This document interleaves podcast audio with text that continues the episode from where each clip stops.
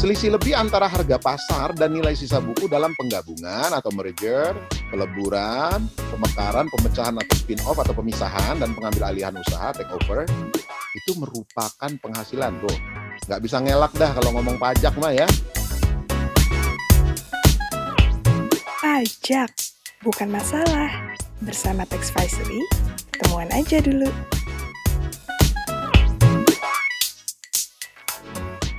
Yang saya banggakan para peserta webinar nasional yang telah dua hari ini dengan sangat setia mengikuti jalannya acara webinar nasional kita yang luar biasa ini yang syarat dengan ilmu khususnya mengenai masalah restrukturisasi baik di bidang uh, perbankan, lembaga keuangan lainnya maupun di bidang di perusahaan.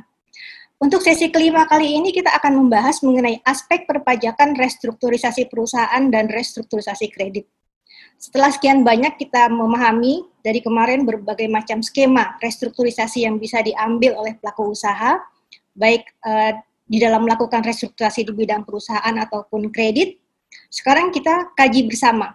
Apakah skema yang diambil oleh para pelaku usaha itu akan meringankan beban para pelaku usaha atau sebaliknya malah akan jadi membebankan karena kita jangan lupa tentunya ada aspek perpajakan yang harus dipahami dalam hal ini. Oleh karena itu, telah hadir bersama kita semua uh, narasumber kita yang luar biasa, yang sangat mumpuni bidangnya, Bapak Albert Ricci Arwan SHLLM MKN, atau biasa kita sebut Bang Ara. Selamat siang Bang Ara. Ya. Ya, uh, Bang Ara ini adalah notaris dan PPAT di Jakarta Selatan. Beliau lulusan Magister Kenotariatan Fakultas Hukum Universitas Diponegoro dan Magister of Law College of Law University of Illinois di Amerika dan S1-nya di, di Universitas Lampung atau Bandar Lampung ya. ya.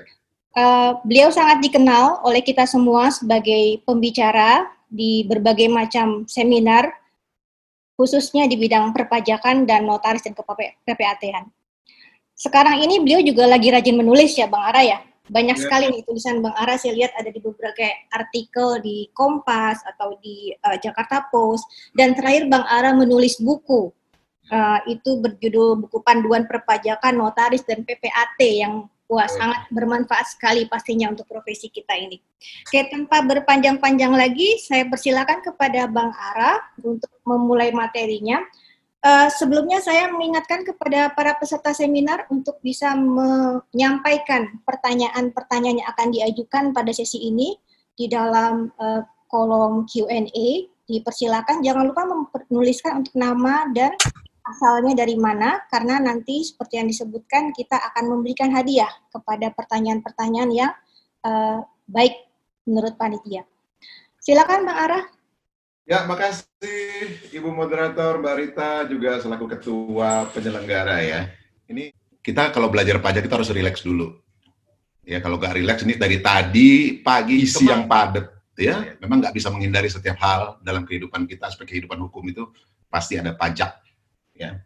Tapi kalau kita udah rileks gini, bayar bahasnya pasti mudah-mudahan masuk. Saya hari saya mau mengkuat satu cerita tadi pagi Tadi pagi itu saya chat dengan Ibu Herlin, ibunda kita. Bu Herlin ngasih kiriman sebuah apa namanya sebuah sebaran sharing WA, isinya bagus.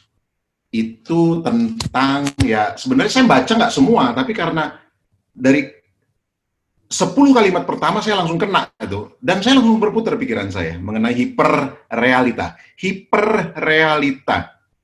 Yang pertama dia bicara tentang situasi normal dengan abnormal karena kita dibilang new normal sebenarnya new normal ya benar. Benar kita mau new normal tapi bukan new normal yang karena ada pandemi justru new normalnya karena hidup yang normal itu seharusnya kita bisa mengubah diri kita jangan seperti hiperrealita kemarin. Apa itu hiperrealita? Hiperrealita yang dimaksud kemarin itu adalah bagaimana kita bisa mengkonsumsi suatu barang yang nilainya murah dengan harga yang sangat sangat besar dan kita rela untuk lakukan itu. Sekarang kita semua prihatin ya. Tetapi bagaimana kemarin sebelum ada COVID kita itu boros gitu loh. Tapi itu bagus. Nanti kalau mau minta aja sama saya nanti saya kasih. Ya. Nah, saya minta kita berpikir positif ya. Jadi di masa nanti new normal kita tadi udah dapat materi yang banyak dari para narsum yang hebat. Jadi tapi untuk memulai acara ini sesi saya, saya mau bertanya ini serius, tapi ini pertanyaan bukan langsung dapat hadiah. Ini pertanyaan ngetes-ngetes dulu sama yang hadir nih.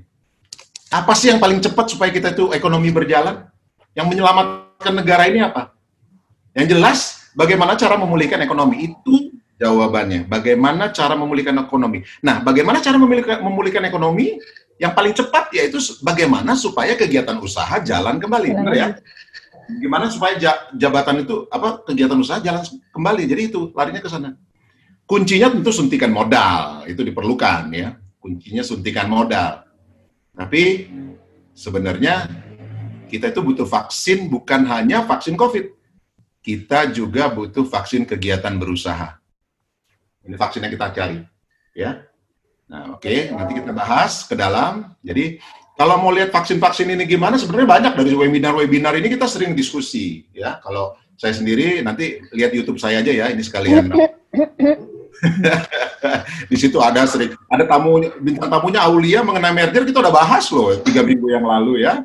Nah, makanya kalau mau lihat nanti bisa lihat di situ. Nanti kita posting juga di PPNI, YouTube-nya PPNI ya. Nah, sekarang ini saya mau bicara bahwa sekarang persoalan itu sebenarnya bukan hanya ada di debitur. Ya. Juga di kreditur juga bermasalah. Sekarang OJK menyorot dengan terbitnya undang itu Undang-Undang Nomor 2 tahun 2020 ya. Perpu eh, sebagai pengganti Perpu Nomor 1 tahun 2020 itu yang dilihat itu kan bukan cuma kebutuhan eh, si debitur. Tadi di sesi yang Ibu Dua Sri Kandi tadi bagus sekali menyampaikan bahwa kita nggak nggak bisa lihat hanya ajas kemanfaatan saja. Jadi sudah dibahas di situ. Jadi saya nggak bahas itu lagi. Saya hanya bahas aspek yang paling belakangan, ya aspek yang selalu beradanya di belakang. Apa pun selalu berada di belakang itu tentang pajak. Ya. At the end bahwa kita harus bersinggungan dengan pajak.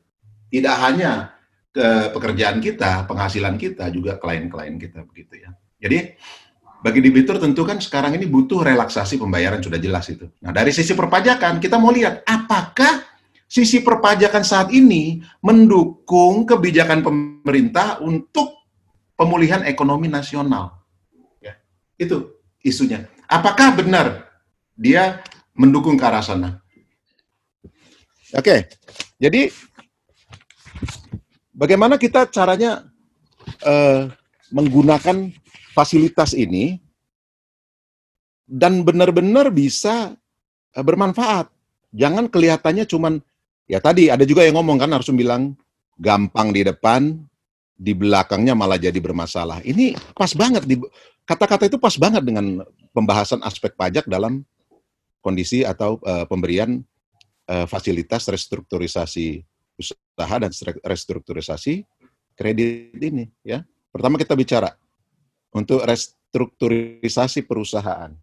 Restru perusahaan yang paling heboh yang kita alamin, ini kalau lagi wajah-wajahnya saya lihat pasti sudah pernah ngalamin di tahun 98. Ingat ya, ingat tahun 98 itu restu perusahaan. Waktu itu saya sudah ada di dalam eh, apa pemerintahan juga kerja di pajak. Itu kita banyak menemuin. Jadi kita sendiri harus eh, ikut bisa mengerti apa sih restru perusahaan itu 98 itu namanya Krismon.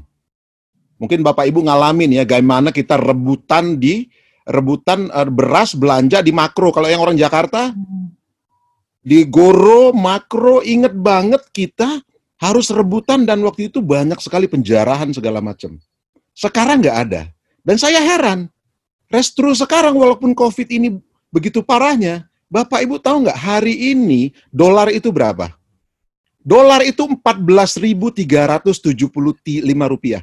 Kebayang nggak waktu dua bulan lalu, dolar itu hampir 17.000. Akhirnya kita tahu bahwa hebat juga ya negara ini ya. Di tengah, hanya kita loh salah satu negara yang masih bisa, yang tidak terlalu tinggi untuk ininya, apa namanya, uh, minusnya, ya kita nggak terlalu tinggi. Kita masih bisa selamat duit itu ya. Nah, sekarang kalau kita bicara restru perusahaan, memang agak beda. Restru perusahaan ini kalau dari undang-undang PT ya, itu lebih sedikit jumlah istilahnya yang dipakai dibanding undang-undang pajak. Kalau undang-undang pajak itu pilihannya likuidasi, ya kan? Penggabungan, peleburan, pemekaran, kemudian eh, pemisahan spin-off nih. Untuk mudahnya saya kasih materi. Nanti ada soal juga di sini. Kebaca ya? Kebaca. Jadi, mm, um, bicaranya ada perbedaan sedikit istilah nomenklaturnya. Kalau di undang-undang pajak itu pilihannya lebih banyak ya. Ini tadi saya bicara tentang tadi bahwa untuk penyelamatan usaha dampak COVID dengan restrukturisasi perusahaan ini ya, sebagaimana yang sudah ditawarkan di Undang-Undang Nomor 2 Tahun 2020, kita dapetin satu untuk kreditnya nanti. Kita bicaranya kredit belakangan lah. Sekarang perusahaan dulu ya. Berkaitan dengan undang-undang yang ada dasar hukumnya adalah Undang-Undang Nomor 19 Tahun 2003, kemudian Nomor 40 sendiri, Undang-Undang PT, tadi Undang-Undang BUMN, kemudian Undang-Undang Pasar Penanaman Modal 25 2007 dan Undang-Undang Pajak itu yang mendampinginya itu ada tiga undang-undang KUP, PPH dan PPN. Ya kan? Nah, nanti kalau restru kredit jelas masih berlaku tanggal 16 Maret kemarin POJK nomor 11 tahun 2020. Oke. Nah, ada satu cara lagi. Ketika kita bicara restru ini, sebenarnya uh, ada satu pilihan. Pilihan tadi yang sudah saya bilang bahwa sekarang ada likuidasi, ada penggabungan. Penggabungan itu uh, dua PT menjadi satu PT, PT yang satu existing, yang satu tidak liquid, tidak perlu diliquid, yang kemudian peleburan, yang melebur dari dua PT berbeda, merah kuning ini menjadi satu PT baru, terjadi likuidasi terhadap keduanya, kemudian pemecahan bisa tiga, bisa dua, bisa lebih banyak dari itu. Nah, pemecahan atau pemisahan atau spin-off kita bilang, ya. Kemudian pemekaran lagi ada nih pemekaran dan pengambilan alih, pengambil alihan melalui take over saham. Nah, satu lagi adalah membuat holding company. Holding company ini juga salah satu uh, pilihan untuk melakukan restrukturisasi perusahaan, ya.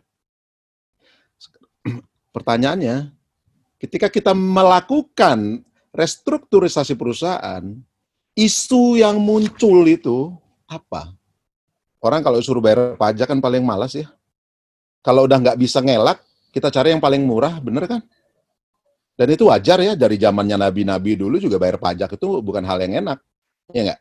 Jadi, kalau nggak bisa dielakkan, ya kita pilih yang murah itu sudah jadi pakem paradigma di wajib pajak, termasuk saya.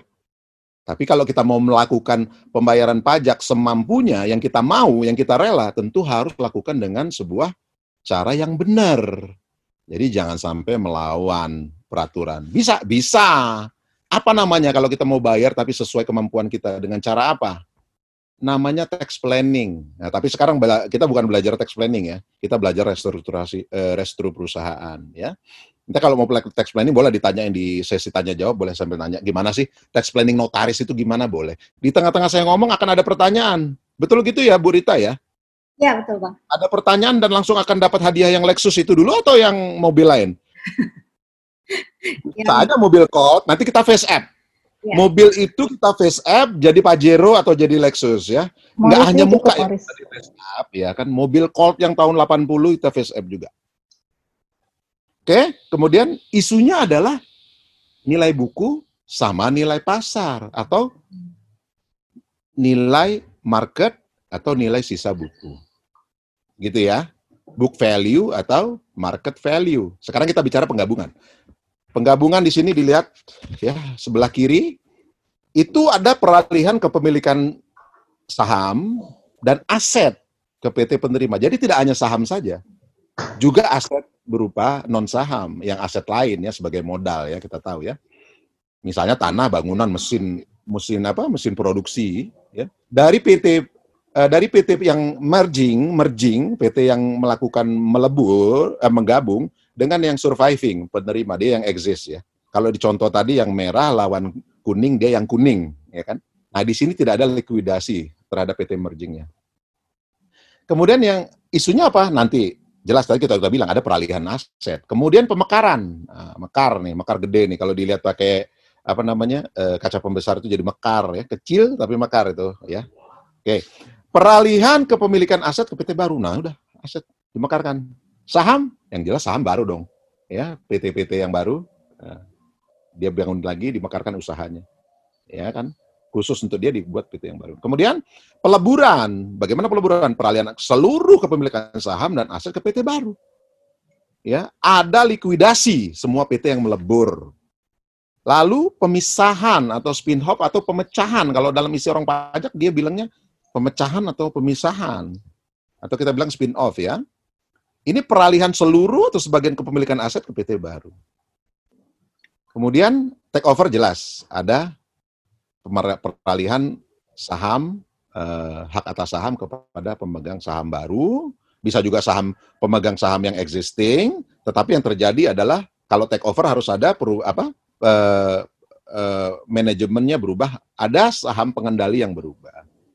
Yang terakhir ada regor organisasi. Nah ini regor organisasi ini menarik sebenarnya reorganisasi perusahaan ini umumnya yang kita tahu bahwa reorganisasi itu uh, tidak melakukan apa-apa secara status hukumnya, tapi di dalamnya saja ya yang terjadi misalnya uh, apa namanya uh, dirkomnya atau manajerialnya, susunan manajernya, kantornya, bahkan barang-barang juga bisa. Reorganisasi. Kemarin kita ngolah pakai barang ya, keluaran dari Prancis. Sekarang spare partnya mahal. Kita nggak pakai dari Prancis, kita pakai dari Cina. Itu juga reorganisasi. Itu adalah masuk dalam restrukturisasi perusahaan. Ya. Kalau Bapak Ibu lihat di sini semua, ketika ada peralihan, peralihan, peralihan, maka dari sisi kita notaris, tentu kita terlibat. Benar kan? Jadi kalau kita belajar eh, apa namanya banyak orang di luar bilang ini ngapain acara seminar kayak gini diadain untuk notaris itu salah seribu persen bahkan kita ngomongin pajak aja, masih ada kaitan dengan pekerjaan kita. Apalagi yang semua narsum dari kemarin sampai sekarang bahas. Itu semuanya demi keselamatan notaris. Ya. Oke, lanjut ya. Sudah paham bahwa kita harus paham ini karena satu selain kita memang menyangkut pekerjaan kita, kita harus memahami ketika kita bikin akta ya. Akta kita itu bunyinya juga sebagai uh, apa namanya public speaking buat kita. Kembali lagi nih ngomong public speaking ya.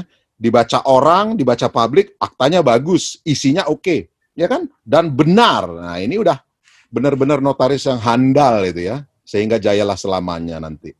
Kalau semua notaris begitu kan keren ya. Nah kita lihat.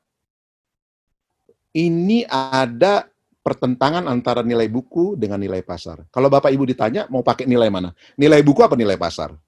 Kalau kita lihat dari tulisan ini, dari judulnya, buku ini kecil, pasar ini gede. Berarti orang pasti akan pakai nilai yang kecil supaya at the end, ujung-ujungnya bayar pajaknya kecil. Tapi nggak melanggar undang-undang. Ini yang saya maksud juga adalah sebuah tax planning buat kita. Gitu ya. Oke. Bu moderator, ngantuk iya. nggak ini? Enggak. Kelihatan muka saya? Lanjut Bang, semangat banget. Ayo. Semangat ya. Muka ya. saya jelas ya? Ya, cuma pencahayaan waktu... cukup ya, pencahayaan cukup ya. Oke, makasih. Yang penting pencahayaan cukup. Bright. Bright ya, oke. Shiny. Oke, nggak apa-apa. Belum. Tambah ingat. Oke, nilai buku. Nilai buku seperti di sini melawan nilai pasar.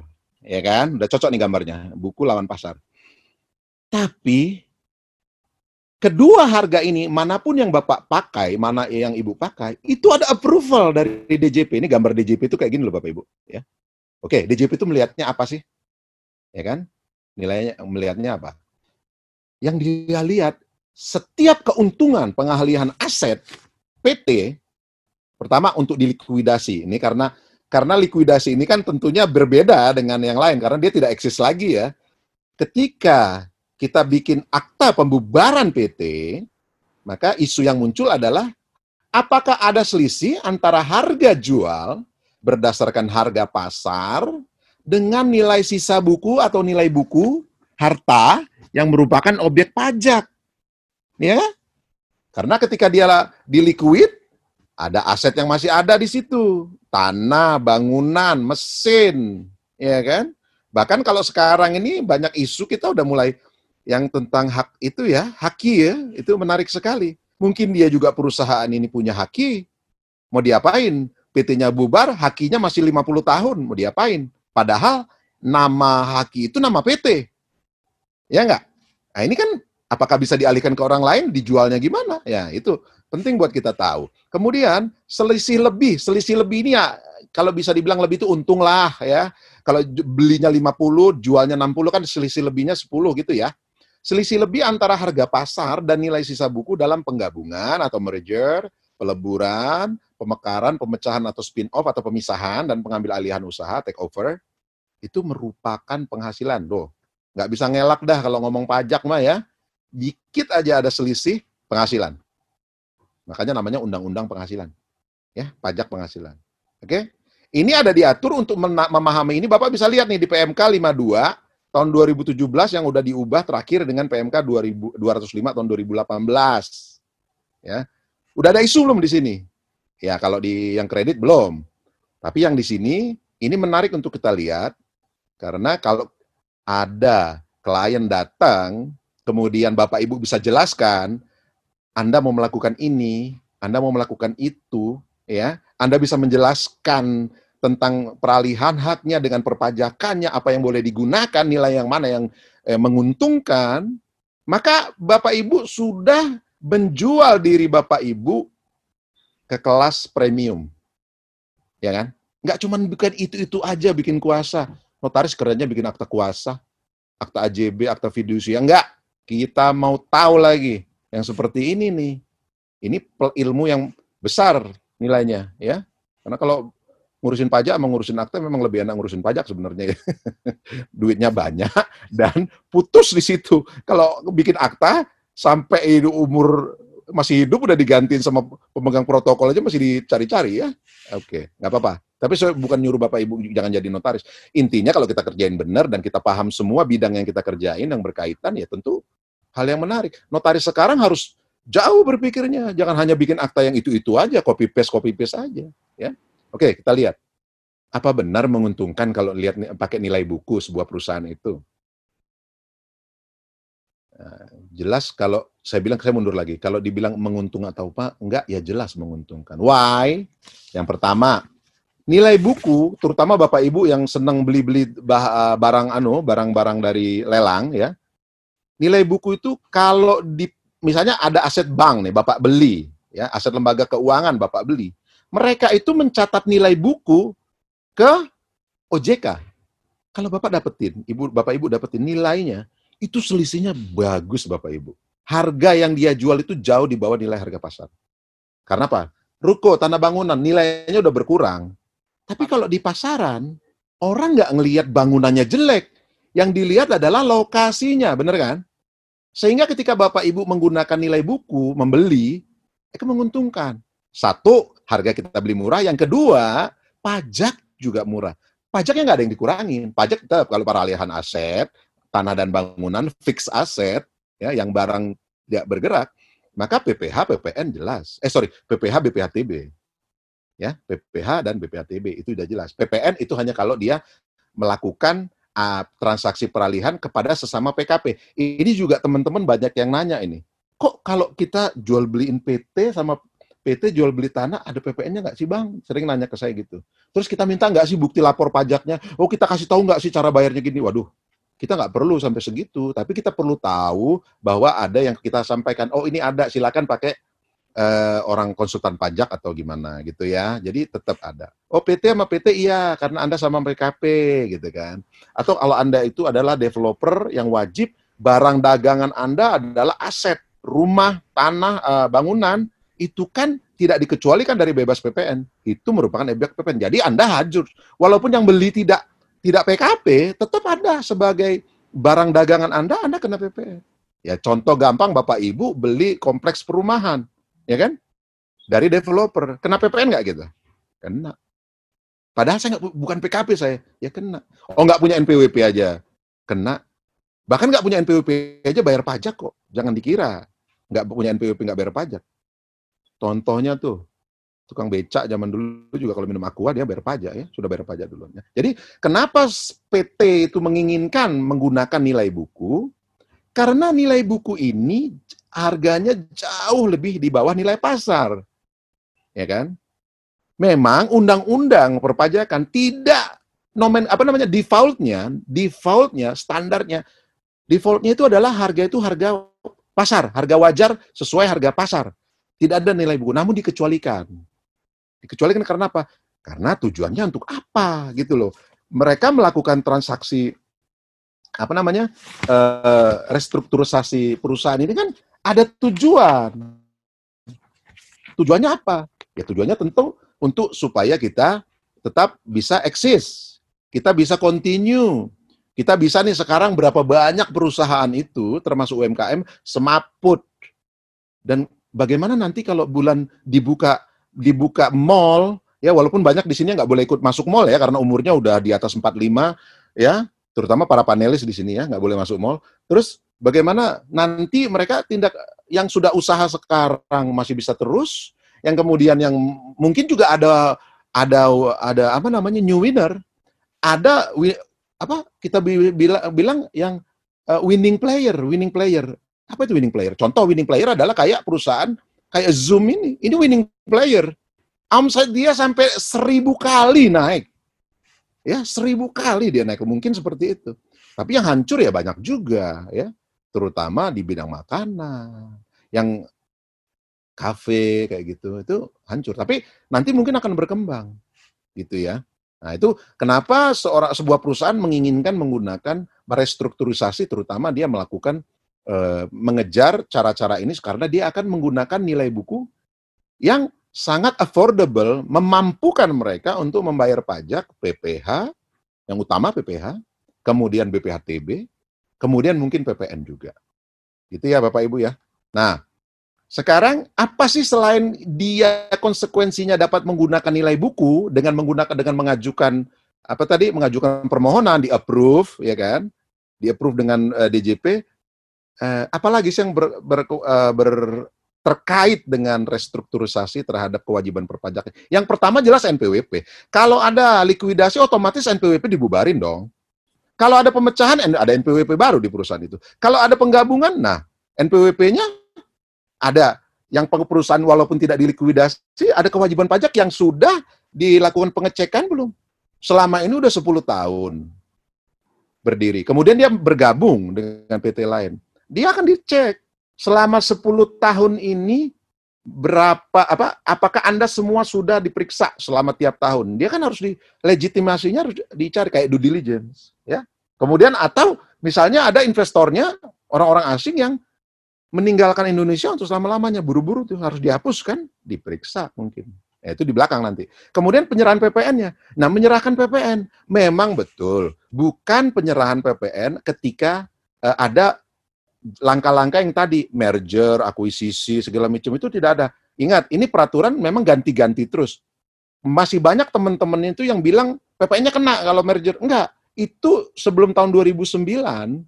Sebelum tahun 2009 memang dari tahun 2000 ke 2004 ya. Kemudian 2000 itu ganti-ganti undang-undang PPN ganti. Terakhir ini yang 2009 dibebaskan dari penyerahan khusus untuk PPN asal dia sama-sama PKP. Nah, nanti saya ini mungkin jadi pertanyaan ya, nanti PKP itu apa?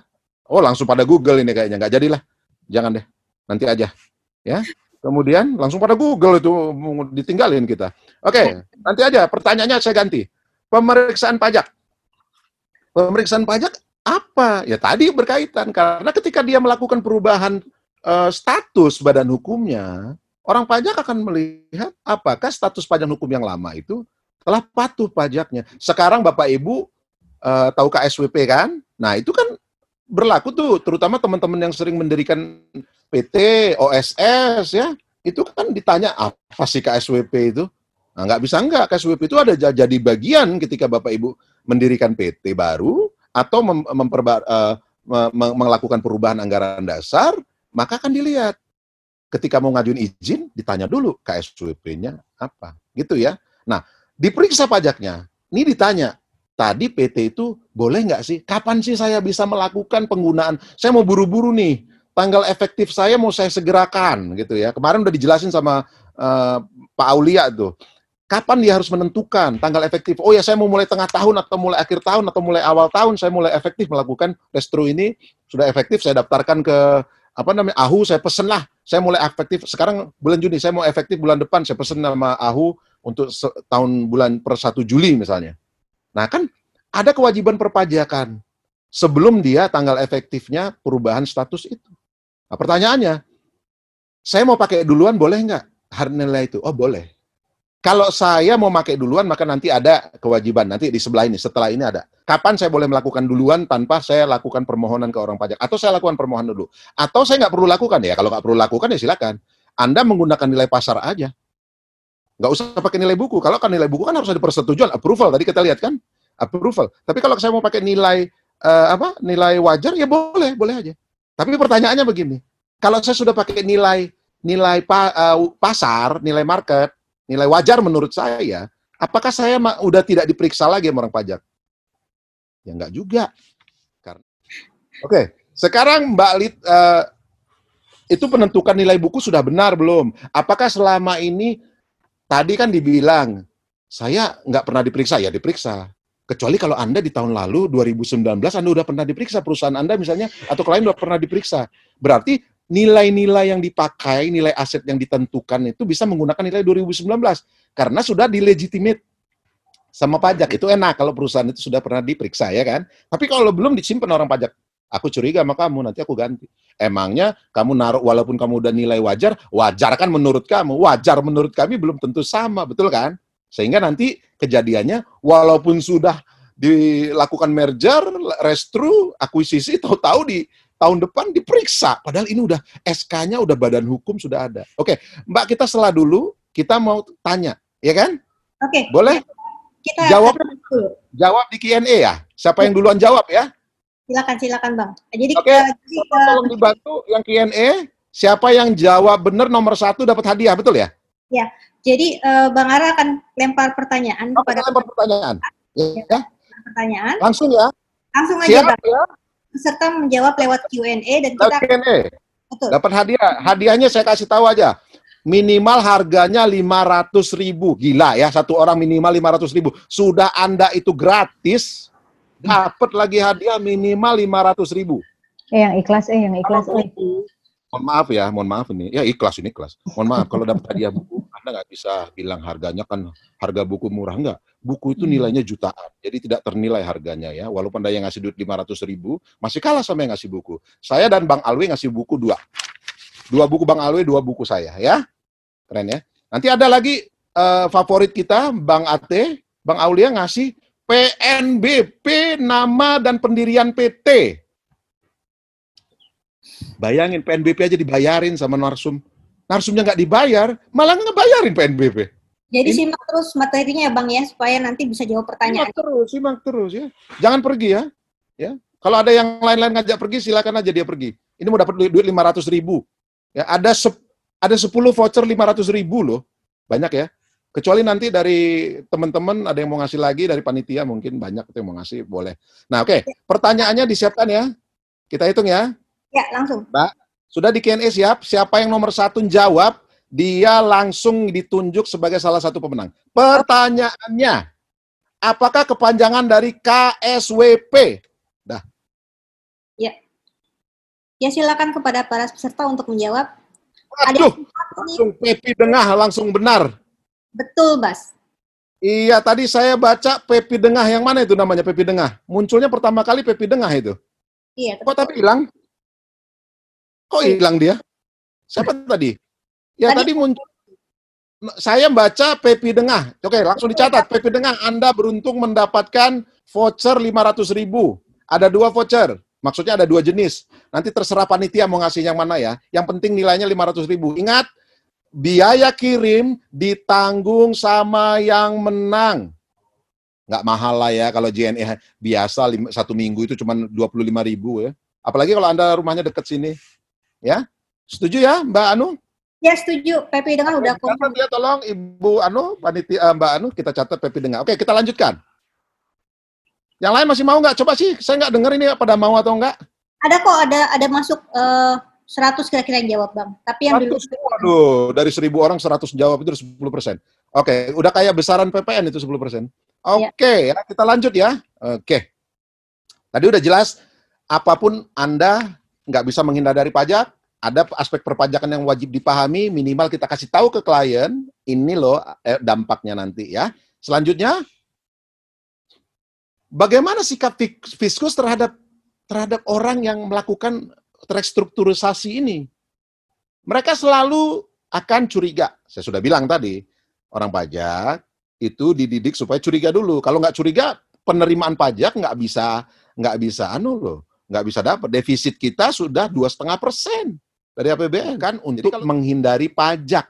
Ha, kok bisa menghindari pajak dari restru? Ya tadi udah saya jelaskan. Ketika kita melakukan restru, ada satu hal yang dari sudut pajak yang sangat-sangat dinantikan sama pengus pelaku usaha, pelaku usaha ya, kita biasakan ngomongnya pelaku usaha nomenklatur bukan pengusaha lagi. Pelaku usaha bahwa dia akan mendapat keuntungan dari perpajakan. Besarnya berapa? Waduh, kalau bicara besar, bayangkan kalau aset itu tadi kalau ada 100 miliar, ya, dia bisa menggunakan nilai buku harga 50 miliar. Bayangkan berapa miliar yang dia dapatkan dari selisih pajak. Tujuh setengah persen, ya kan? Tujuh setengah persen kali 50 miliar. Gila ya Bapak Ibu ya. Yang kedua, PT yang telah melakukan pengalihan aset terlebih dahulu. Nah, ini tadi yang saya bilang. Dia tidak minta izin dulu nih sama DJP. Tapi dia boleh lakukan duluan karena mungkin momentumnya ya harus cepat-cepat ya gitu ya karena mungkin para pemegang saham ada yang mau pindah ke luar negeri atau ada perusahaan PMA yang ikut di situ yang harus segera uh, aktif jadi harus mengajukan permohonan kepada DJP maksimal satu bulan jadi setelah tanggal efektif ya terjadi pemindahan harta pemindah tanganan harta ingat ini bukan yang dimaksud adalah bukan akta untuk uh, perubahan statusnya ya, bukan rupsnya, bukan akta yang kita laporkan ke AHU, tapi akta pemindah tanganan harta. Nah kalau kemarin menarik yang dijelaskan sama Bang Aulia itu mengenai uh, spin off ya kalau nggak salah Bang Aulia bilang kita nggak perlu pakai akta anu itu, nggak perlu pakai akta PPAT, tetapi akta spin off-nya saja bisa digunakan untuk ke BPN. Ya gitu ya, jadi itu menarik sekali. Jadi nggak perlu. Jadi akta itu dianggap tanggal, tanggal efektif satu bulan setelah tanggal ini. Ya, Oke, okay. yang kedua adalah aktiva tetap. Terhadap aktiva tetap, PT yang menerima harta dari merger, peleburan, pemekaran, take over, tidak dapat dipindah tangankan oleh penerima harta. Kalau merging, maka si surviving company tidak boleh melakukan pindah tangan harta atau pengalihan hak atas harta minimal dua tahun setelah tanggal efektif. Tapi ada tapinya, kecuali dilakukan untuk peningkatan efisiensi perusahaan. Nah, terhadap hal ini akan ada pengujian dari orang pajak. Yang dimaksud peningkatan efisiensi perusahaan seperti apa? Jadi kata-kata kuncinya adalah efisiensi. Itu yang akan diuji sama orang pajak. Yang tagih tanggalnya sekarang. Harta yang dimohonkan menggunakan nilai buku, ya, misalnya tanah, bangunan, atau mesin, merupakan harta yang telah dialihkan pada tanggal efektif. Nah, ini ada berkaitan dengan nomor dua tadi. Ingat, harus ada satu bulan masa pengajuan untuk menggunakan nilai buku. Itu ya, Pak Ibu ya. Waktunya 10 menit lagi. 10 menit lagi, oke. Langsung aja nanti pertanyaan kita di belakang aja ya. Oke, sekarang sikap khusus yang selanjutnya ya PT yang menerima harta dengan uh, nilai buku tidak boleh mengompensasikan. Tidak boleh dikompensasi ya, dikompensasi kerugian. Jadi kompensasi kerugian ini misalnya gini, tahun ini Bapak ada rugi uh, 10 juta, Bapak nggak bayar pajak, Ibu nggak bayar pajak. Tahun depan kerugian kita untung. Untung kita berapa? Tahun depan kita untung 15 juta. Kita bayar pajaknya nggak dari 15 juta, kita bayar dari 5 juta. Kenapa? Karena yang 10 juta kita kompensasi dengan keuntungan kita di, ta di tahun berikutnya. Jadi, saya sekarang untung 15, saya kompensasi kerugian saya yang 10 juta. Itulah maka namanya ada kompensasi kerugian. Atau sisa kerugian dari PT, BUT, BUT ini badan usaha tetap Bapak Ibu ya. Sama seperti badan tapi BUT ini uh, dinamakan badan usaha tetap atau PT asing yang mengalihkan harta. Yaitu contoh BUT itu adalah bank. Bank misalnya Hong Kong Bank, HSBC segala macam, dia tidak punya PT di Indonesia, tapi dia punya BUT-nya ya. Itu biasanya BUT ini ada di uh, yang izin-izinnya OJK. Kemudian PT penerima, ya PT surviving tidak dapat membebankan pajak atau pungutan lain yang terutang dari luar negeri. Kredit pajak atau pajak yang dibebankan di negara asing PT yang mengalihkan harta. Ada PT asing, ya kan?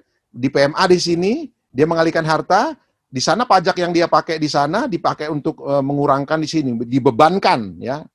Dibebankan, nggak bisa. Nah, yang terakhir adalah meskipun orang pajak itu setuju, Bapak bisa lihat gambarnya di situ, dia tetap curiga sama kita. Kebenaran nilai buku itu tadi yang saya maksud, masih dipertanyakan.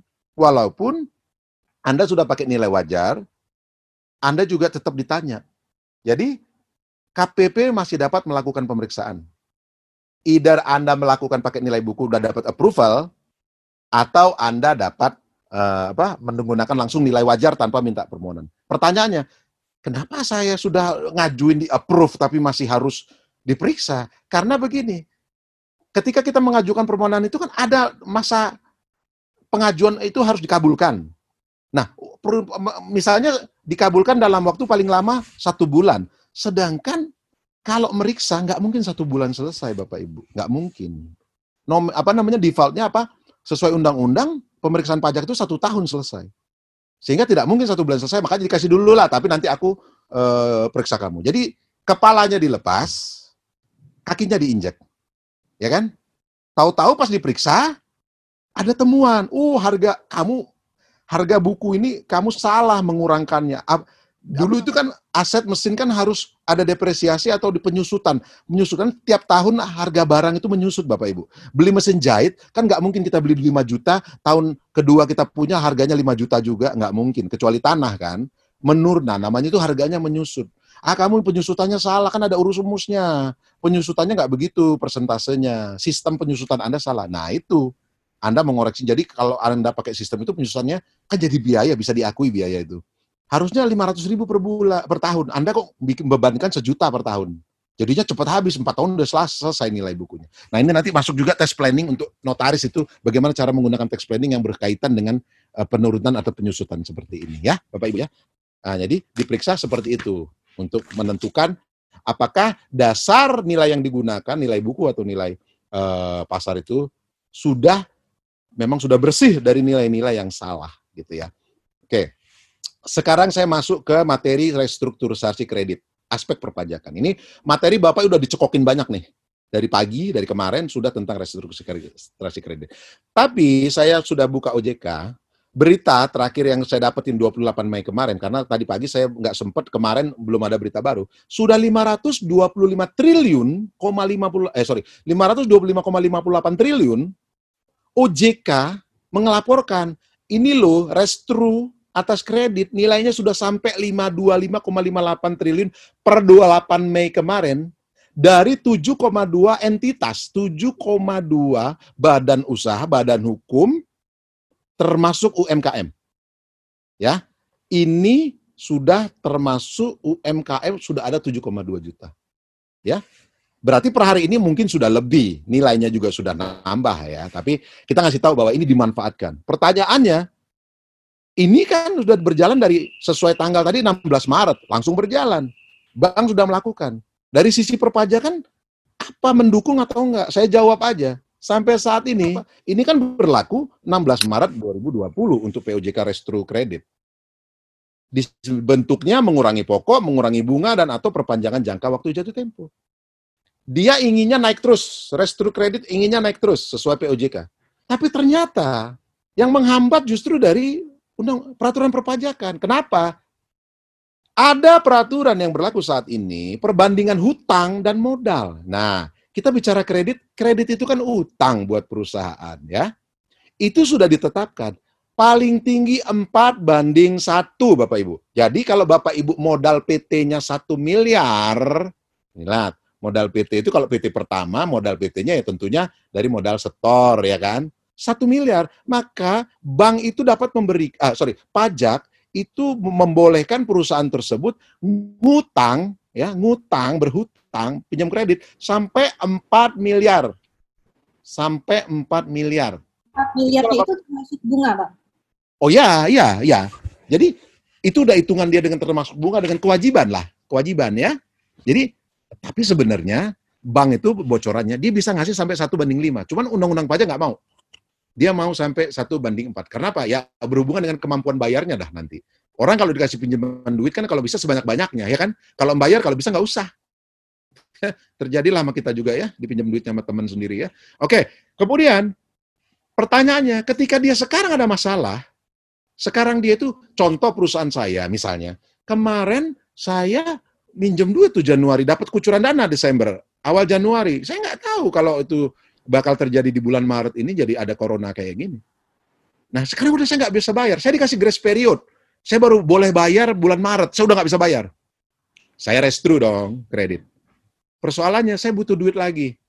Boleh nggak? Ya nggak, nggak ada larangan. Tidak ada larangan. Ya, dari sisi pajak juga tidak dilarang bahwa Anda boleh melakukan top up ya atau penambahan kredit.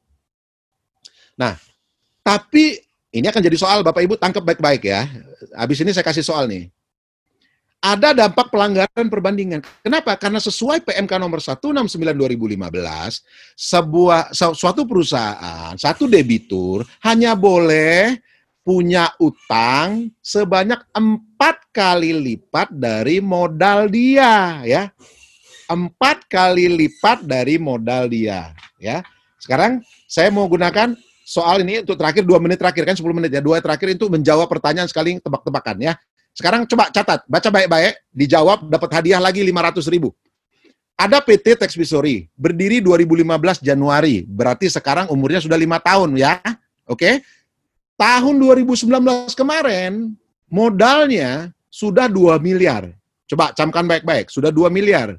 Yang dimaksud modal ini kalau udah PT berjalan, bukan hanya modal setor, ya. Ada modal pinjaman, ada laba, ada mungkin laba tahun lalu disimpan. Intinya Anda concern sama angka 2 miliarnya ya modal yang diperkenalkan 2 miliar. Lalu Januari kemarin dia dapat dia mendapatkan pinjaman ya, mendapatkan pinjaman dari bank sebanyak 8 miliar. Kenapa? Totalnya udah 8 miliar. Berarti benar dong. Ya kan? Kan dia Januari kemarin mendapat pinjaman Bank Mandiri 8 miliar dengan grace period 3 bulan sejak tanggal akta notaris. Sudah benar dong ya? Ya enggak? Dua banding empat kan? Eh, satu banding empat kan? Benar kan? Pertanyaannya, sekarang nih, sekarang dia dapat kredit lagi. Ini pertanyaan saya nggak ditulis ya, di sini nggak ada. Hari ini atau bulan tanggal 2 Juni ini, di 3 Juni ini dia dapat kredit lagi 2 miliar Bapak Ibu. 2 miliar. Nah, pertanyaan saya, jangan 2 miliar lah. Kalau bank kan masih ngasih 2 miliar, masih dikasih memang. Let's say dia 4 miliar, 4 miliar. Ya ingat ya, berarti total utang dia dengan yang belum dibayar 12 miliar, benar nggak?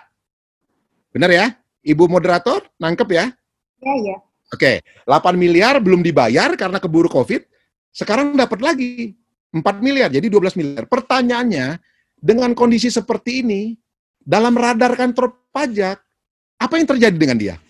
Apa yang terjadi dengan dia atas utang, perbandingan utang dan modal ini. Tadi udah baca, baca ya. Sekarang di Q&A jawab, apa yang terjadi?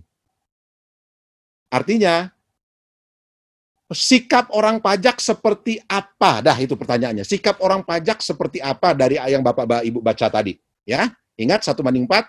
Kemudian eh, sekarang kondisi dia adalah dua banding enam, ya kan? Eh sorry, satu banding enam, dua banding dua belas kan satu banding enam. Pertanyaannya silakan dijawab. Sudah ada yang masuk nih Bang, dari Yosua Ganardi. Siapa jawabannya? Uh, pemeriksaan. Oke, pemeriksaan. Yang lain? Yang lain juga masuk pemeriksaan. Ada lagi. Saya uh, jawab nggak nerima. Jangan, ada peningkatan. Ya, jangan panjang-panjang kalimatnya. Ya. Peningkatan modal. Oke, terus apa lagi? Uh, ada restrukturisasi pajak dari ANSI. Restrukturisasi Mana? pajak. Oke, terus ada lagi. Saya kasih, nanti saya cari yang paling dekat jawabannya. Ada lagi pemeriksaan dari ditujukannya tambahan kredit untuk apa? Oke. Terus? Oke. Hmm. Sudah cukup ya, karena waktunya udah cukup. Yang nggak jawab berarti nggak bakal dapat duit 500 ribu, nggak berani ya. Sayang ya. Oke. Gini, jawaban semuanya benar, tapi ada yang paling tepat. Yang paling tepat adalah, ini udah ada pemenang, saya tentuin nanti ada pemenangnya. Tapi yang paling tepat adalah ini.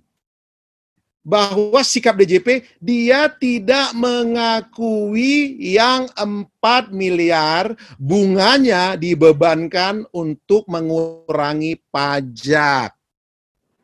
Jadi ketika nanti dia bayar utang mencicil, kan utang bunga itu bisa dibebankan. Dia hanya mengaku yang 8 miliar, 8 miliar berapa bunganya? Anda pisahin ya. Anda sebelum COVID utang 8 miliar, pembukuannya catatannya beda dengan yang 4 miliar pada saat Anda dapat restru atau Anda dapat bantuan top up masa uh, masa restruktur kredit. Jadi dia harus membedakan mana nih utang Anda yang 8, 8 miliar. Ini saya nggak ganggu. Yang 4 miliar mana? Yang 4 miliar yang baru ini kan? Oke, ini Anda tidak boleh bebankan biaya bunganya. Itu jawabannya. Ya. Jadi pertanyaannya apa jawaban? Paham ya? Jadi yang, yang benar yang, yang benar adalah yang jawab diperiksa tadi aja. Ya, Sebenarnya nggak terlalu tepat. Diperiksa itu nanti, tapi yang benar inti dari pemeriksaan untuk menguji bahwa dia tidak diakui. Tapi kita kasih yang tadi jawab pemeriksaan yang pertama. Yosua Ananta Tenardi. Oke, selamat buat Yosua ya. Jadi, Jadi kesimpulannya materi saya dan sarannya, ketentuan pajak saat ini belum mendukung skema PEN, PEN ya, pemulihan ekonomi nasional dan aspek restrukturisasi kredit.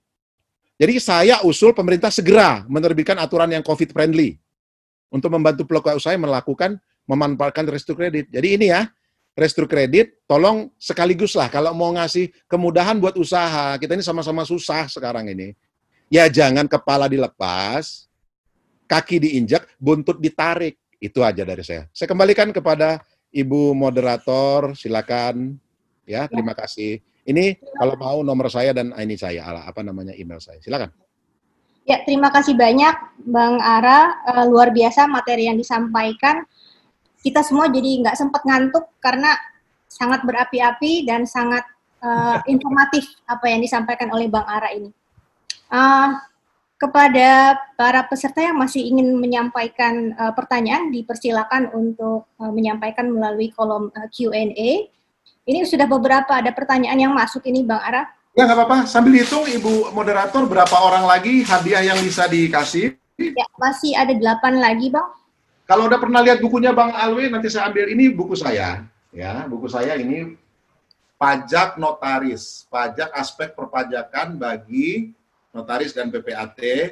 Ini sudah laku sebanyak 700 buku sampai dari peluncurannya sebelum 20 Februari sudah laku 700 buku ya. Mungkin menjadi bestseller juga ya puji syukur. Nah, Bapak Ibu yang belum punya ya mungkin harus punya ya. Kalau nggak punya ya nggak apa-apa ya. Tapi kalau mau punya ya ini kesempatan dapat dua ya. Ya, nanti ada bukunya Bang Alwi saya tunjukin tapi silakan pertanyaan dulu. Saya lupa ambil tadi buku Bang Alwi. Ada saya punya buku Bang Alwi itu saya punya dua-duanya saya beli loh. Ya, nggak minta saya beli karena saya tahu menulis buku itu susah ya. Tolong yang suka-suka minta buku, kasihan lah ya sama penulis itu ya. Ya, jadi ini ada pertanyaan dari Levi Valerina. Okay, uh, saya... bahwa uh, sering ditemukan transaksi saham jual beli maksudnya diberikan nilai transaksi satu rupiah, sementara nilai nominal sahamnya sendiri satu juta rupiah. Kalau pemegang saham menjual 50 saham miliknya, bagaimana konsekuensi perpajakannya? Apakah bisa dilakukan seperti itu? Gitu, pertanyaannya, Bang. Langsung saya jawab aja. Jadi gini, kalau kita bicara ada nilai, nilai nominal di sebuah di, di akta kita, ya, ada nilai nominalnya, maka yang menjadi patokan adalah nilai nominal itu. Kalau dia jual lebih tinggi, penghasilan, penghasilan. Ya kan tinggal selisihnya, ada capital gain. Karena saham itu aset yang berbeda nilainya dengan tanah dan bangunan. Kalau tanah dan bangunan tidak ada capital gain, ada tidak ada ke, selisih keuntungan. Tapi kalau saham ada. Tidak ada masalah ketika Anda mengakui jual saham saya harganya satu juta, saya jual satu setengah juta, tidak ada masalah. Tinggal bayar pajaknya. Akan jadi masalah besar ketika Anda jual harga satu juta, Anda jual satu rupiah. Kecuali Anda lakukan melalui skema lelang. Pertanyaan saya, ada nggak sih orang lelang saham? Nah, ini bisa ditanya sama kita deh. Nemu banyak juru lelang di sini. Saya belum pernah ketemu ada orang lelang saham, tapi kalau lelang aset banyak dan itu dijadikan biar ini informasi buat Bapak Ibu. Kadang-kadang aset dicari skema lebih murah bayar pajak dengan melakukan lelang. Memang benar. Ya, memang lebih murah dia jatuhnya. Ya, Kalau yang tadi Bang itu jadi apakah uh, akhirnya jadi objek pemeriksaan atau malah langsung oh, pasti namanya masalah. Orang kita kalau orang pajak ketemu orang pajak kita ya, kita dulu pernah tolak dia aja ya, cewek-cewek pernah nolak dia jadi pacarnya orang pajak aja nggak jadi suaminya udah damping aja bisa diperiksa kita ya surat kaleng. Apalagi jelas di depan mata ini. Anda menjual apa dasarnya Anda menjual satu rupiah, ya kan? Kalau dengan alasan perusahaannya rugi gimana? Di kantor kita, tetangga kita orang pajak kita rame kantornya dari Senin sampai Minggu aja, dia langsung curiga, bisa diperiksa kita. Apalagi dia menjual sesuatu, ada buktinya. Dia jual satu rupiah. Harga yang diakui kan harga sesuai pengakuan pemerintah melalui SK, melalui daftar pemegang saham, nilainya berapa, melalui akta. Kalau alasannya kondisi perusahaan dalam kondisi rugi gimana Bang? Kondisi rugi bukan dilihat dari mengurangi nilai saham, tetapi dari aset perusahaan. Ya kan? Kan kalau sudah berdiri, aset itu bukan hanya modal, setor, semuanya. Kalau dia rugi, kan bisa dianggap dia liquid. Liquid silakan. Kalau dia mau jual, masa dia bilang rugi justru dijual satu rupiah. Orang kalau rugi malah bunuh diri dong namanya. Harga saya satu juta dijual jadi satu rupiah. Kenapa? Karena saya rugi. Loh, ini mah bukan handphone. Saham itu bukan handphone. Orang mau beli dalam konteks bisnis, dia akan due diligence dulu. Dia tax diligence juga. Anda punya aset apa? Ngapain saya beli PT Anda kalau nggak bisa nggak bisa ber, saya gunakan untuk uh, berusaha, gitu ya? Oke, baik. Uh, berikutnya, Bang. Oh, oh, ini ada oh. pertanyaan dari Dewi Kristiana. Hmm? Ada PT yang jual aset berupa ruko kepada perorangan pada saat transaksi, notaris tersebut dengan tegas menyatakan bahwa PT itu tidak perlu membayar PPN. Setelah kira-kira satu tahun kemudian, ada tagihan PPN kepada PT tersebut. Apa yang harus dilakukan oleh PT terhadap tagihan PPN tersebut, sedangkan si pembeli sudah tidak ada lagi di Indonesia? Jadi ini yang menarik buat kawan-kawan semua nih yang hadir nih, ada seribu orang ini ya. Kita memang nggak ngurusin bayar pajak PPN apa enggak itu PT, tapi kita kasih tahu cukup. Tapi kalau ada orang tanya sama kita, kita informasikan bahwa makanya dari awal Anda kalau kita paham tidak mengurangilah kejadian di masa depan. Bapak PT loh, Bapak juga perusahaan loh, ini harus ada PPN-nya loh Pak, Bapak harus bayar PKP sama-sama, apalagi sama-sama PKP. Itu loh. Jadi Bapak harus bayar PPN. Jadi itu kita perlu menyampaikan. Kalau perlu dia buat surat pernyataan bahwa kami setelah memahami penjelasan mengenai adanya kewajiban PPN dan kami nah, boleh saja. Kita sudah kadang-kadang kan ada tuh kita uh, untuk menegaskan diri kita. Buat saya sih, buat saya ya mungkin kita berbeda pikiran. Nggak masalah kita membuat pernyataan seperti itu menegaskan. Walaupun di akta kita ada tulisan bahwa telah ya kewajiban pajak di klausula di pasal kita sudah ada. Ya kan? Nah, kalau ditanya apa yang terjadi? Satu, itu bukan masalah kita. Yang kedua, orang pajak punya ini sendiri, punya kebijakan sendiri. Pajak itu untuk PPN ada tanggung renteng. Ketika yang bertransaksi, yang wajib membayar, misalnya gini, saya jual tanah, maka saya wajib mengut PPN. Saya wajib.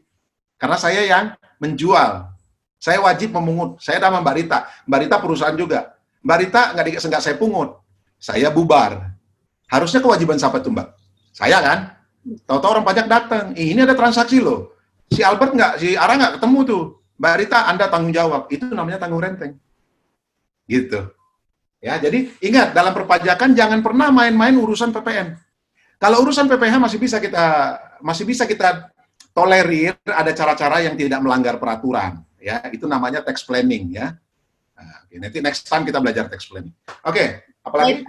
Uh, satu lagi ini uh, sebelum ada pertanyaan lagi, saya sampaikan pertanyaan dari saya sendiri. Kalau belum ada pertanyaan, saya minta tolong minta izin sama Mbak Rita, tolong dipanggil Bang Alwe kalau ada, ya, ya. atau Pak Sekum atau Ibu Ketum sendiri untuk menyampaikan pertanyaan untuk mendapatkan hadiah.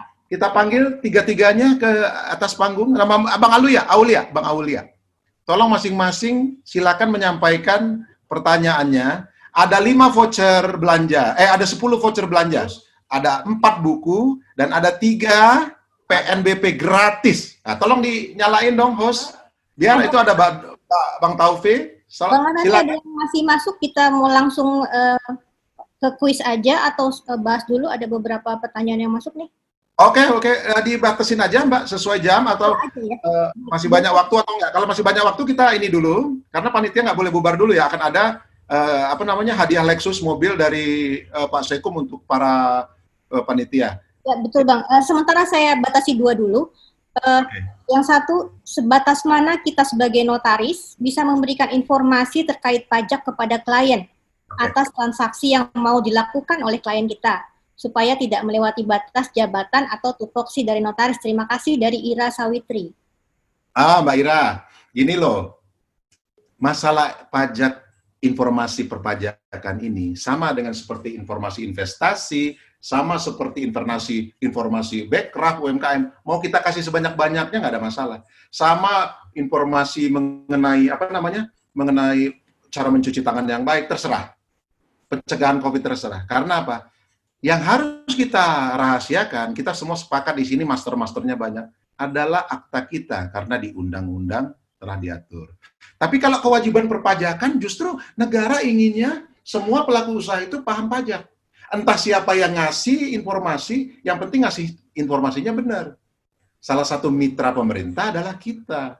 Dan di masyarakat sendiri menganggap bahwa notaris itu orang yang paham pajak. Gitu ya. Makanya ada grup notaris PPAT paham pajak gitu, iya. Oke, Eh, terima kasih Bang Ara. Selanjutnya ada pertanyaan dari Lenovo, namanya Lenovo. S- oh sorry maaf, namanya Syamsuddin Chandra di atasnya Lenovo. Orang Sukabumi bukan ini? Kenapa? Orang Sukabumi bukan Samsudin ya? Nggak ada keterangan nih Pak. Nggak ada keterangan. Silakan. Samsudin Chandra, apa yang harus diperhatikan dari sisi pajak dalam eh, transaksi debt swap? Oke. Konversi utang, Bang. Ya, bagus pertanyaannya. Jadi gini, kalau konversi utang menjadi modal, ya, yang pertama kita lihat dulu subjeknya. Kalau kita bicara dengan restrukturisasi kredit kepada lembaga pembiayaan atau bank, intinya kan begini. Bang, saya punya piutang loh sama perusahaannya Dini, misalnya gitu ya. Kemudian pertanyaannya, boleh nggak bank ambil saham dari perusahaannya Dini? Ya kan? Itu dulu. Kita lihat ketentuannya. Tapi kalau PT sama PT, contohnya pemegang saham biasanya begitu. Ya. Saya pemegang saham PT paling besar di perusahaan eh, Taufik Corporation, ya. Taufik Corporation itu perusahaan besar ya. Kerjanya bikin bulu mata anu bulu mata badai, ya. Nggak punya bahan modal bulu mata. Ya, karena orang-orang pada susah dihubungin, nggak boleh ya. Jadi bulu mata kita nggak dapat bahan modal, sehingga saya perusahaan nggak ada duit, nggak bisa penjualan. Nah saya bilang, eh Bang Taufik selaku owner, saya punya uang. Iya, ini kita mau pinjam. Oh pinjam lama saya berapa? Saya pinjam sama Alvin satu miliar. Artinya saya punya piutang, perusahaan punya Taufik Corporation punya utang, ya kan? Nah sekarang nyerah nih perusahaan Pak Taufik. Jadi saya akan jadikan uang kamu itu saham saya, bagian saham. Benar nggak? Ya kan? Berarti itulah namanya debt to equity.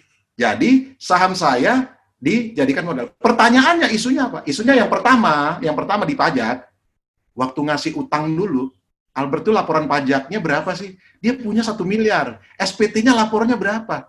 SPT-nya aja 500 juta. Dia berani ngasih utang satu miliar. Dari mana lu dapat duit? Gitu ya.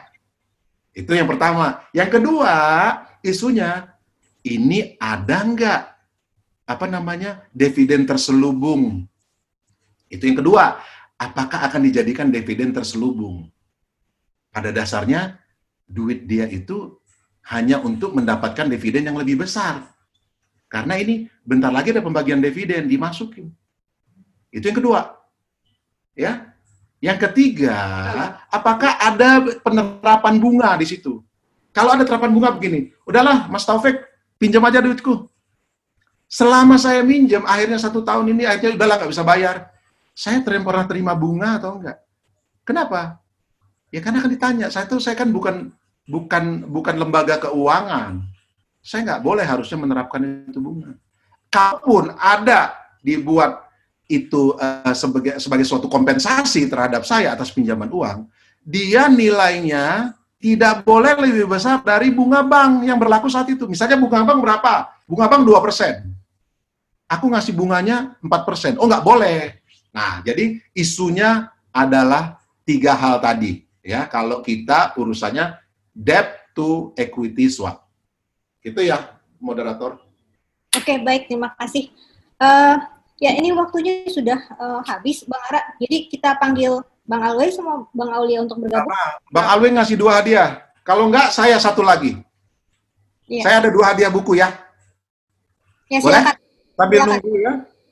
Ya, sambil nunggu. Pertanyaan saya sekarang. Untuk notaris itu, PTKP-nya berapa sih tiap bulan? PTKP notaris untuk orang pribadi satu orang saja. Satu orang diri notarisnya itu yang melihat dia kawin nggak kawin. PTKP-nya berapa sih? Silakan dijawab. Sudah ada yang masuk. Berapa? 60 juta. Salah. Satu orang. Itu ada saya lihat tadi uh, yang pertama di saya sih di sini tanggal dia 0114 2001 saya nggak ngerti. Felix namanya ya. 54 juta dari Felix. Felix, oke. Okay. Felix benar ya. Felix ya. Eh tadi uang dulu apa buku dulu? Kalau dari saya buku ya, berarti Felix dapat buku, tolong dicatat ya Mbak. Anu, Felix ya. dapat buku. Satu lagi dari saya, buku lagi dari saya, ya. Oke? Okay? Udah? Ready? Ya. Oke. Okay. Kalau ini orang menikah, PTKP satu tahunnya menikah satu tahun berapa sih? Tidak kena pajaknya sampai berapa? Satu tahun untuk status menikahnya. Ya, Ibu Faridah. Empat setengah juta, kata Ibu Faridah. Ya, yang lain 60 juta, 81 juta, saya nggak ngerti itu dari mana itu dapatnya. Ya, jadi kalau orang menikah, negara hanya mengakui biayanya itu diakui empat setengah juta setahun. Jadi kalau Bapak Ibu menikah, biaya kawinnya, biaya menikahnya 500 juta, kalau pasangannya minta cerai, suruh bilang, Pak, Ma, kalau mau cerai kan cuma empat satu juta setengah juta setahun. 500 juta bagi empat setengah. Nah, kamu ngawin cerain saya udah lima, 70 tahun lagi nanti. Modal kita kawin 500 juta itu kembali dulu tiap empat setengah juta setahun, Pak atau Ma, baru kita bercerai ya. Jadi keburu dia udah tua, ada reot dulu baru dia. Jadi pajak untuk mencegah perceraian. Oke. Okay. Lanjut, Bang. Langsung yang lain itu Aulia atau ya, ini? Ada, Taufik ada. Bang, Bang Alwi, silakan Bang Alwi. Oh, Bang Alwi udah ada. Oh ya, Bang Alwi itu. Ya, semangat oh. kali kau, Bet. Nah, semangat lah. Kalau Halo. Ya, silakan Bang Alwi. Ya, jadi pertanyaan dari saya terkait dengan jual beli dan aku akuisisi saham. Coba di, anu dijawab inti perbedaan keduanya kapan suatu pengalian hak saham atau pengambil saham itu dikatakan pengambil alian atau akuisisi. Ya, silakan, silakan. kepada peserta untuk memberikan jawabannya di kolom question and answer Q&A.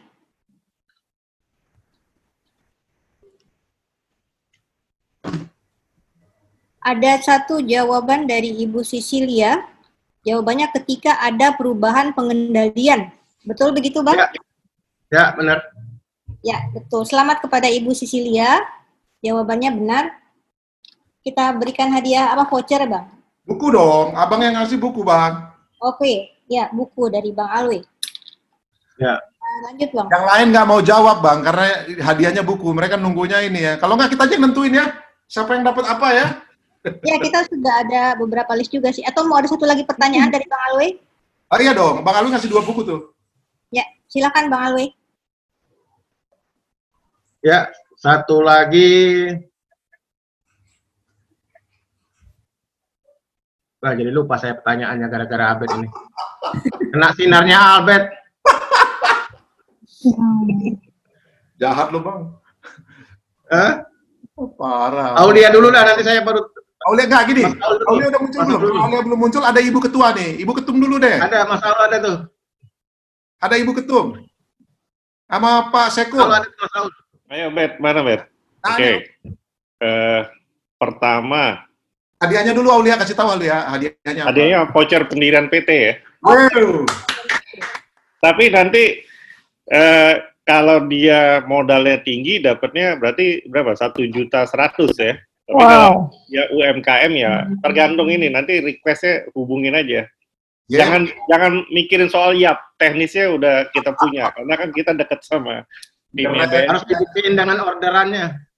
Iya. Ya, silakan Mas Aulia. Oke, pertanyaan yang pertama dikaitkan dengan materinya Bang Albert ya. Jadi kalau memang kita bisa mendapat melakukan penggabungan eh, dengan nilai buku, nah itu kan harus diajukan permohonan ke eh, kantor pajak gitu. Nah, berapa lama waktu yang akan diperlukan sampai selambat-lambatnya kantor pajak akan memberikan izin bahwa merger atau penggabungan itu dilakukan dengan nilai buku? Berapa lama? Gampang itu jawaban pertanyaannya. Ini udah ada jawaban yang masuk dari Ibu Rahayu Ningsih, jawabannya satu bulan. Sayang sekali tidak tepat. Tidak tepat. Ada lagi Kita boleh jawab nggak? Nggak boleh. Boleh. Panitia nggak Disclaimer. Ibu ya, sama 30 hari. Belum tepat. Jadi lagi Nah, ini ya. persetujuan dari di ada nyampein ya. Ya, ada lagi yang kelamaan, jawab dari Boy, bulan. Di ACC. Boy Well Use. Ini enam bulan setelah tanggal efektif merger. Wah, tepat sekali tuh.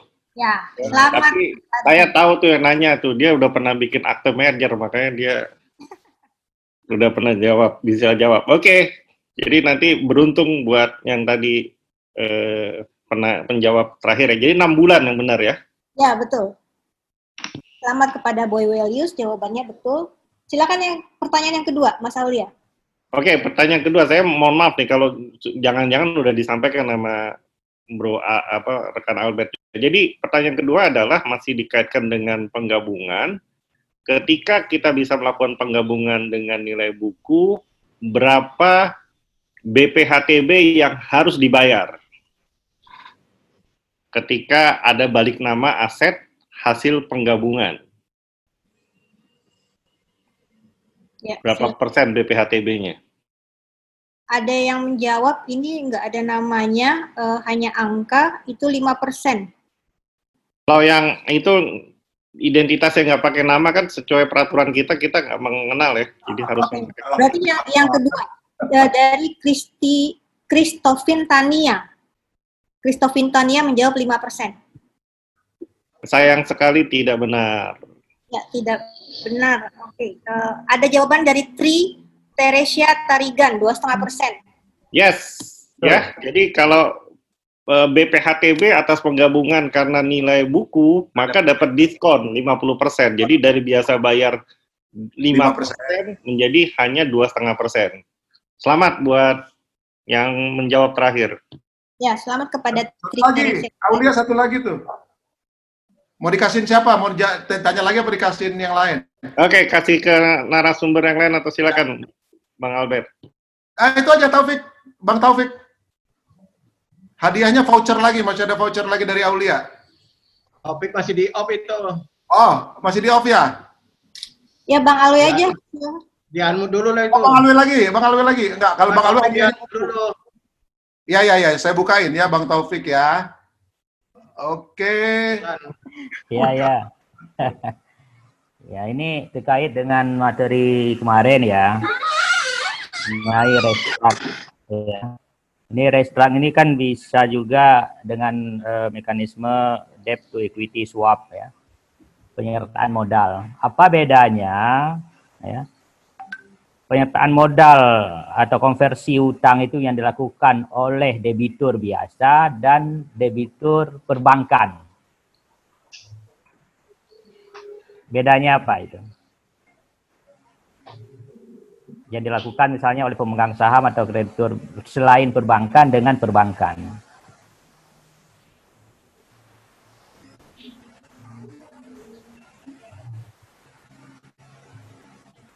Bisa diulang, Bang, pertanyaannya, ya? Bang Taufik, Pak Taufik. Apa bedanya konversi ya. utang ya menjadi saham yang dilakukan oleh kreditur biasa dan kreditur perbankan? Kreditur biasa itu misalnya ada pemegang saham yang ada piutangnya kepada PT atau orang lain yang ada piutangnya kepada PT. Bedanya dengan yang perbankan lakukan apa bedanya? Ada yang bisa jawab? Belum ada pertanyaan, belum ada jawaban yang masuk nih, Bang. Belum ada. MC-nya nggak boleh jawab ya, Kemarin. MC-nya. Nggak nyimak kemarin nanti. Sayangnya panitia nggak boleh jawab ya. Penting nggak boleh jawab. Ya, belum ada belum ada jawaban yang masuk. Nggak ada. Atau di ganti Atau telat itu kali jawabannya. Hah?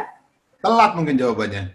Iya, jawabannya itu adalah kalau lagi kreditur perbankan kalau kreditur perbankan itu waktunya itu sementara, maksimal lima tahun. Kalau kreditur biasa nggak ada jangka waktunya. Saya ganti pertanyaan lain ya.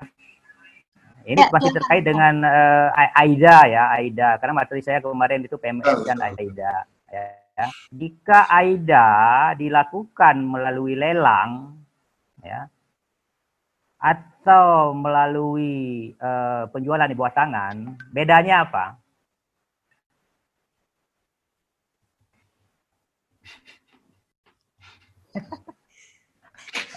Pada nggak lulus nih. Kebanyakan materi, saking banyaknya pusing deh akhirnya. Pesertanya dari kemarin. Pertanyaannya AIDA yang eh, AIDA yang dilakukan melalui mekanisme lelang, apa bedanya dengan AIDA yang dilakukan melalui penjualan di bawah tangan?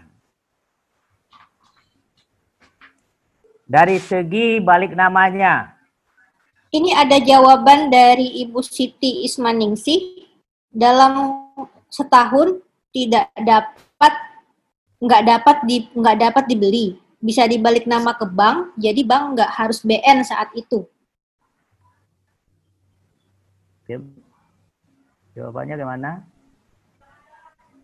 Eh, dalam satu tahun tidak dapat dibeli. Bisa balik nama ke bank jadi ban jadi bank nggak harus balik nama saat itu. Jadi ada jangka waktu satu tahun Ya, jawabannya belum lengkap sih sebenarnya ya.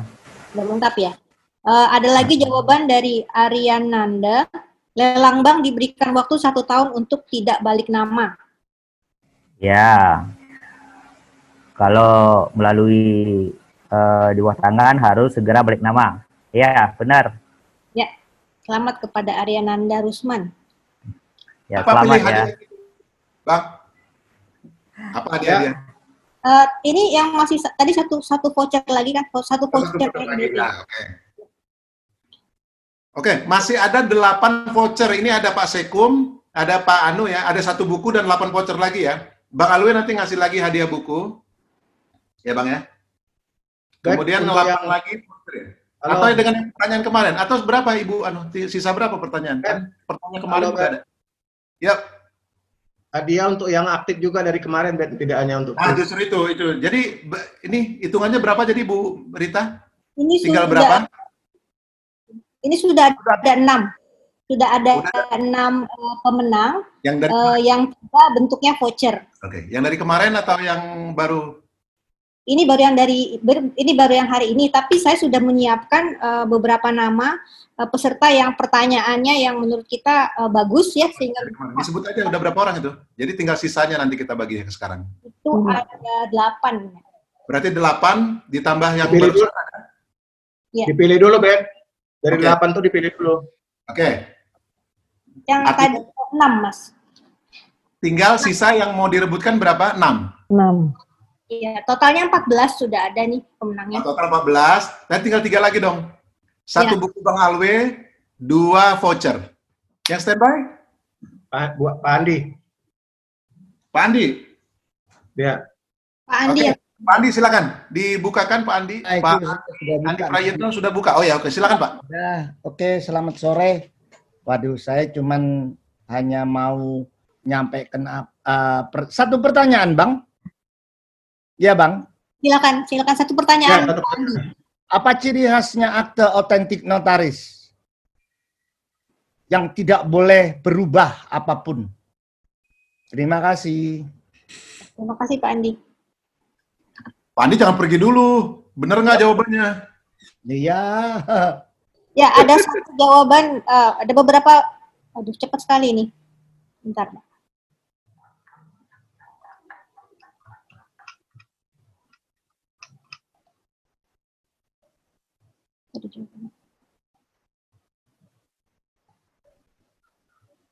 Uh, dari M. Haris Fatoni, harus menghadap kepada saya notaris. Salah. Ya, uh, satu lagi dari Yowanda, dibacakan di hadapan para penghadap. Salah. Lihat ya, ada akte dekoman, ada akte wesel protes. Ada jawaban dari Ibu Rurianti Hasanah, dibuat ya. di hadapan atau oleh pejabat umum. Salah. Sudah disebut sama Bu uh, sama Pak Sekum tadi. Tadi Pak Sekum udah menyinggung itu. Uh, ada jawaban dari Bapak Luki, ciri khas waktu penghadap yang real. Salah. Salah. Bagaimana dengan asal vessel protes? Ada yang... jawaban dari Ibu Lina, tanda tangan basah. Nah, salah lagi. Ya, terus kurang tepat lah Jangan disalahin ya Bang Albert. Ntar nggak mau jawab. Ada juga dari Selina ini dijamin identitas dan tanggal penandatanganannya. Ya, bukan itu. Satu lagi Pak, dari Nureni. Bentuknya sesuai dengan... jawab. Salah, tadi disebutin uh, sama Pak Sekum, lalu saya ulang mengenai pasal 16.7, akte yang tidak dibacakan, Bagaimana pelaksanaannya? Itu ciri khasnya itu sebetulnya.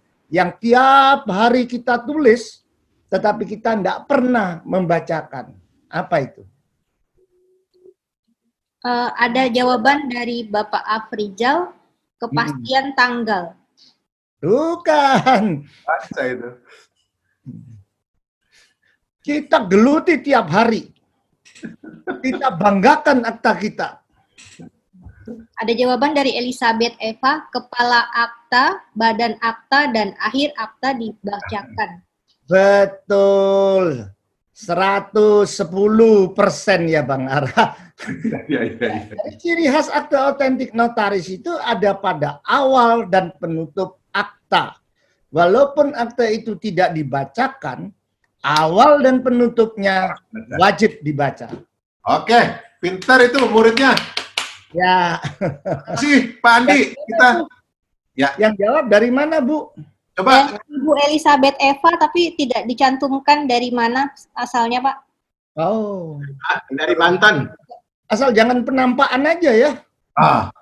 Oh. Banten itu dia jawab dia pakai nama Elizabeth tuh, Terni itu kayaknya.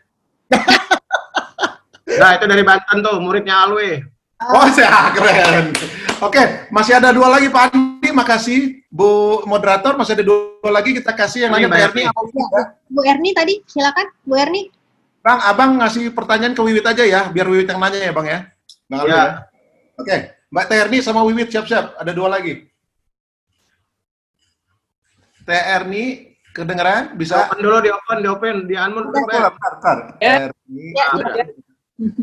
Unmute. Silakan. Uh, dari akad-akad syariah, akad apa yang paling rigid sehingga agak sulit untuk dilakukan uh, apa konversi akad? Oke. Ya, Hanya ada satu.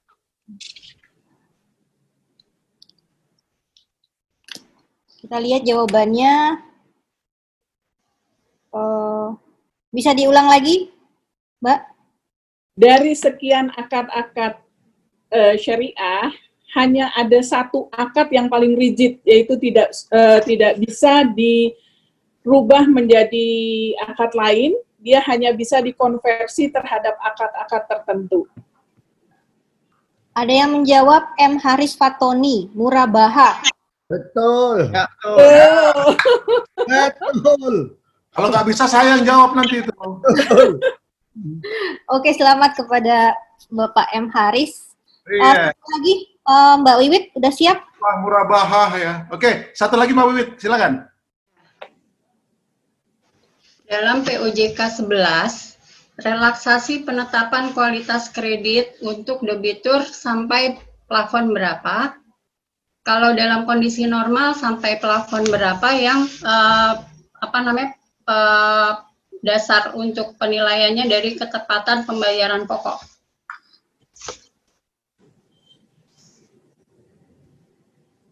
Itu pertanyaannya, jawabannya tiga apa satu itu? Dua. Ya coba diulang lagi. Satu aja dong Wit, Pert- jawabannya. Satu aja ya, satu aja. Relaksasi penetapan uh, kualitas kredit di dalam POJK 11 itu sampai plafon berapa? Yang debitur bisa uh, mengajukan relaksasi. Itu aja deh. Jadi batas plafon yang Batas bisa plafon untuk debitur bisa mengajukan relaksasi uh, berdasarkan POJK 11. Oke.